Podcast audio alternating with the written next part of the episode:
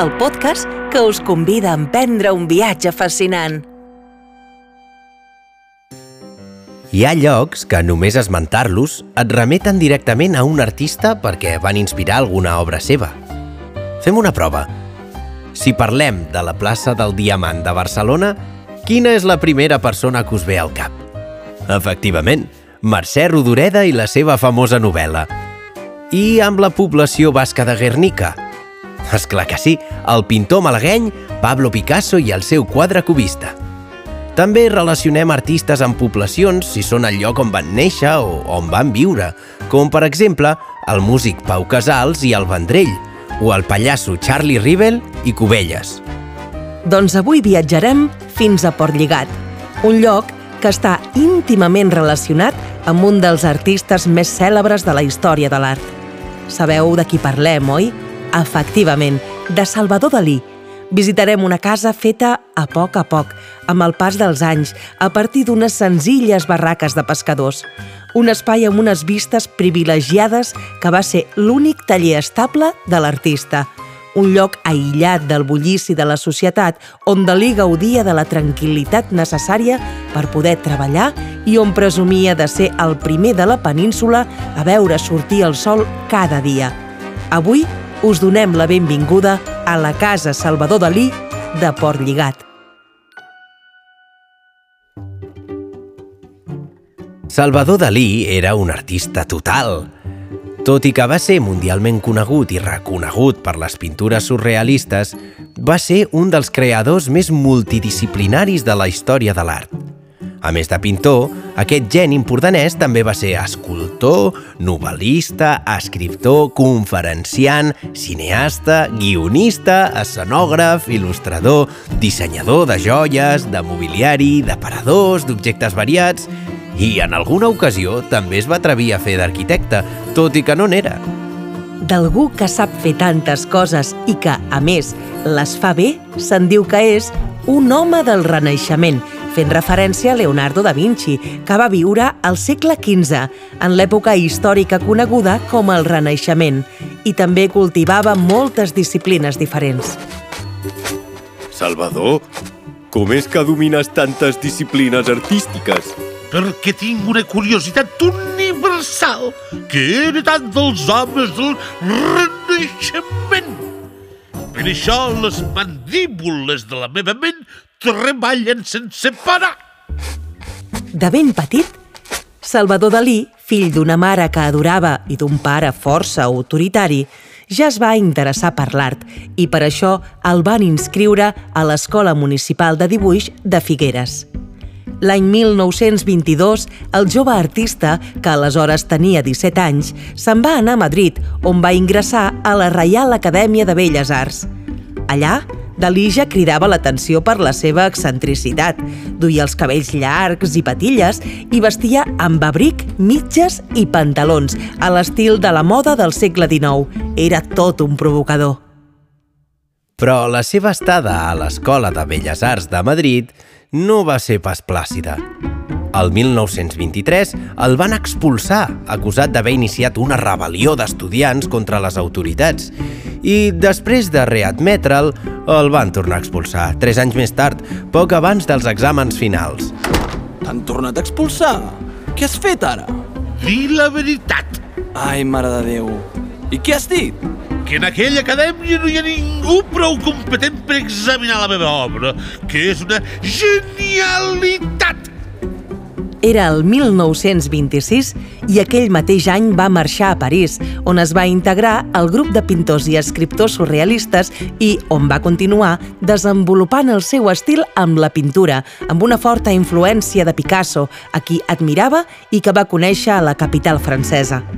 També va ser durant aquells anys, a París, que va conèixer Gala, de qui es va enamorar bojament i que es va convertir en la seva musa i parella. I el 1930, Dalí va tornar a l'Empordà, però les relacions amb el seu pare es van trencar.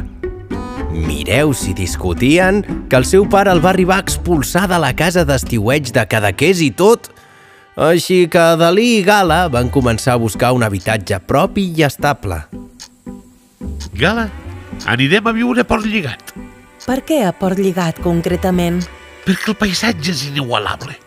La llum que hi ha és meravellosa i és un lloc tranquil on podré treballar sense que em molestin. A més, a Port Lligat, el temps discorre més lentament i cada hora té la seva justa dimensió. Hi ha una tranquil·litat geològica i això és un cas planetari únic. Port Lligat és un poblet mediterrani dins del terme municipal de Cadaqués, situat en una cala del Cap de Creus. I, tal com ell volia, amb els 20.000 francs francesos que li va avançar el vescomte de Noailles a canvi d'una pintura, Dalí va comprar una antiga barraca de pescadors a la vídua d'un mariner del poble i s'hi va instal·lar amb la gala. Així és com Dalí i Gala van canviar la societat parisenca i les seves activitats per una vida més aïllada i contemplativa. A Port Lligat només hi havia unes barraques on un grapat de pescadors guardaven els estris, però quan es feia de nit, tots se n'anaven a Cadaqués i Port Lligat quedava desert. Només hi vivien Gala i Dalí. La casa és una estructura laberíntica organitzada en una successió de saletes connectades per passadissos i petits canvis de nivell. Les sales tenen finestres de diferents formes i dimensions que emmarquen la badia de Port Lligat, un paratge que va ser un tema constant en l'obra de Dalí. Originalment, la casa de Port Lligat tenia dues parts. La primera es va fer servir com a estudi del pintor i la segona com a cuina i menjador. Dormien en una mena d'alcova afegida a l'estudi per darrere. La construcció la van idear Dalí i Gala i, sabent això, quin tipus d'edifici us podeu arribar a imaginar que volien fer? Penseu que en Salvador havia proclamat públicament El surrealisme sóc jo. Això provocava que el seu públic fidel n'esperés tota mena d'excentricitats. Per tant, de la casa de Port Lligat se'n podria esperar un edifici ple de bogeria surrealista, oi? Doncs no va ser així. Perquè en Salvador, en la intimitat, no era pas el personatge exagerat i sobreactuat que coneixem públicament, sinó que era una persona lúcida i, fins i tot, tímida i reservada. I això és el que podem veure a casa seva, la que va projectar Port Lligat.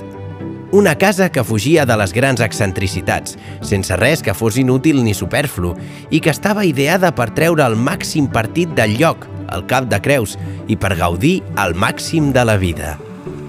Salvador, ja sé que sempre has tingut la idea de tenir una casa petita, però tinc la sensació que potser és massa petita. Potser sí que amb una mica més d'espai estaríem més còmodes. Jo em penso que sí.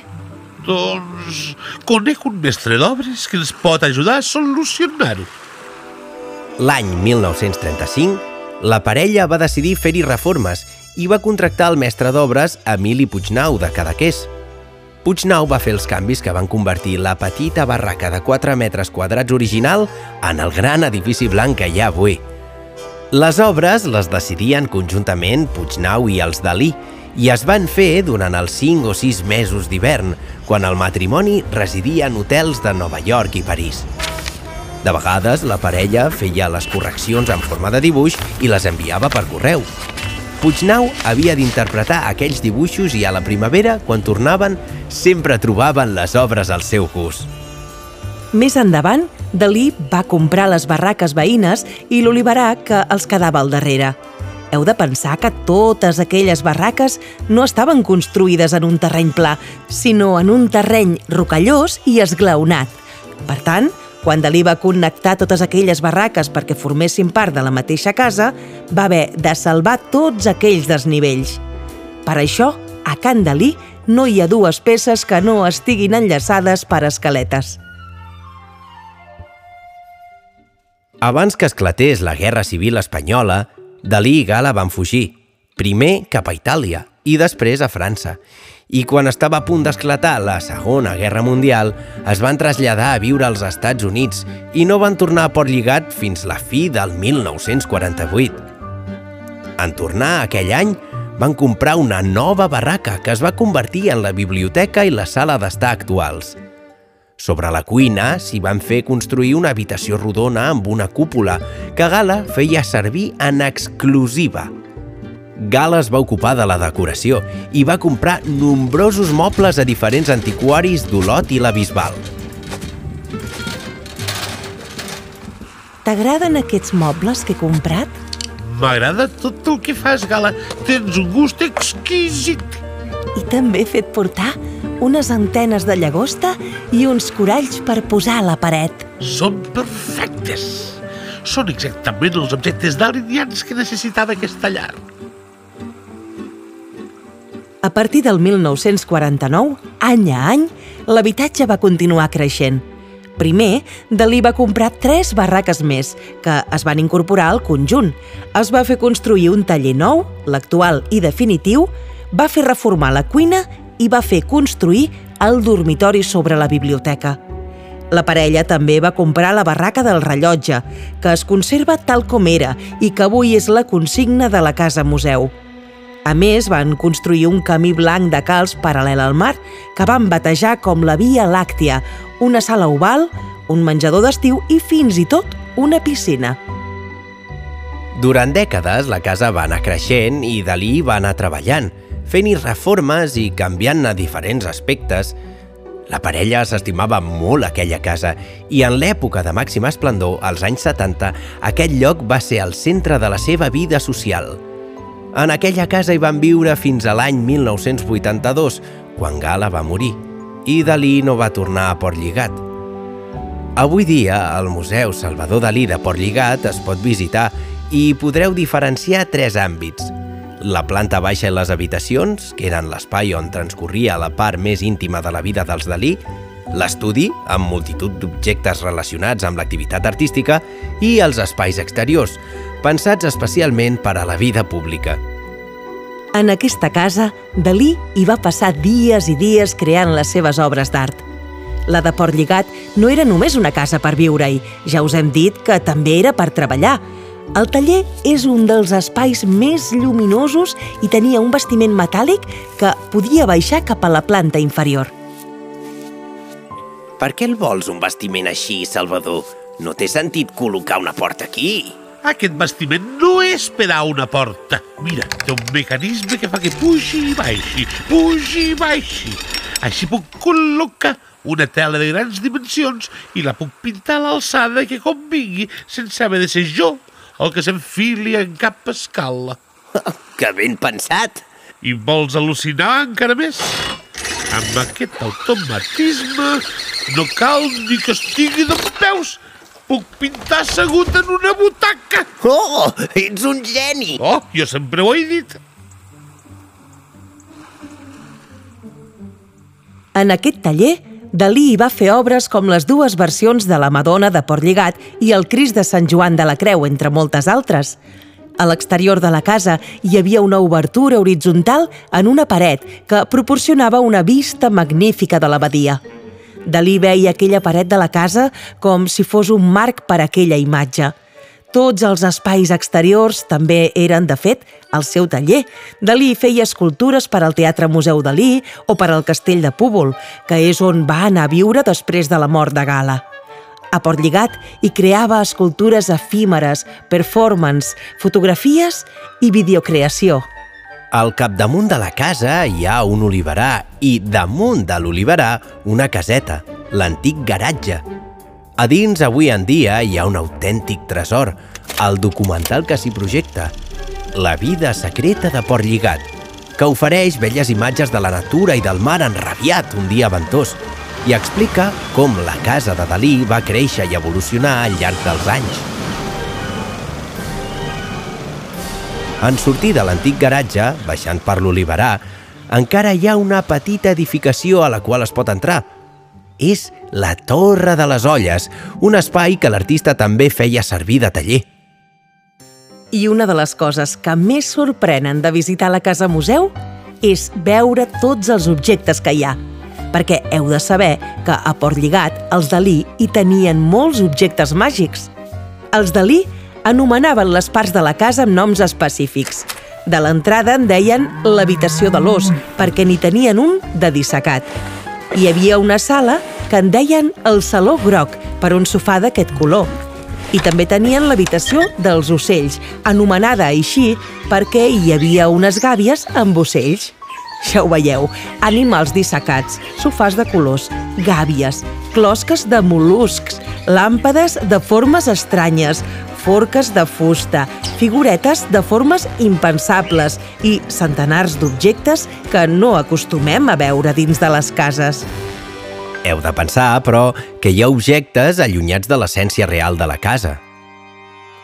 Salvador, fa anys vas dir que la casa la volies sense res que fos superflu ni inútil i cada cop hi ha més objectes que no hi fan res. Perquè no heu d'oblidar que el Dalí que coneix la gent no és com el que coneixeu els meus amics més propers. Què vols dir? Que hi ha molta gent que em ve a veure i en aquesta casa de fer concessions d'estil surrealista per no decebre el públic assedegat de les excentricitats que espera de mi. És per això que hi podem trobar objectes com uns ous i uns caps gegantins situats a la coberta o unes tasses jardineres o la piscina, que és molt llarga i estreta i que, en un dels costats, té una font inspirada en l'Alhambra, de Granada, i uns plafons publicitaris de pneumàtics Pirelli, just darrere d'un sofà en forma de llavis, o uns llavis que fan de sofà. Fins i tot hi ha una escultura gegant, el Crist de les Deixalles, a l'Oliverà, que és una obra constituïda per diferents materials de rebuig, com ara una barca de fusta que forma el cos de la figura, el cap, de ferro oxidat, ceràmica, totxanes i pneumàtics, i la situació a l'intempèrie fa que aquesta escultura de grans dimensions estigui molt exposada i sigui vulnerable als diferents fenòmens climàtics que n'acceleren el procés natural de degradació. Us recomanem que visiteu la Casa Salvador Dalí de Port Lligat. Us podem assegurar que no heu estat mai en un lloc igual. Tindreu el privilegi de veure el taller de l'artista surrealista més gran de tota la història – allà on va crear moltes de les seves obres més cèlebres. Al·lucinareu amb el laberint de passadissos i escales d'aquest conjunt, que està decorat amb centenars d'objectes impensables i on cada racó us farà volar la imaginació. I, un cop hi sigueu, intenteu imaginar-vos com hi vivien en Salvador i la Gal en la intimitat i quantes històries i anècdotes hi devien passar que avui sabríem si les parets parlessin.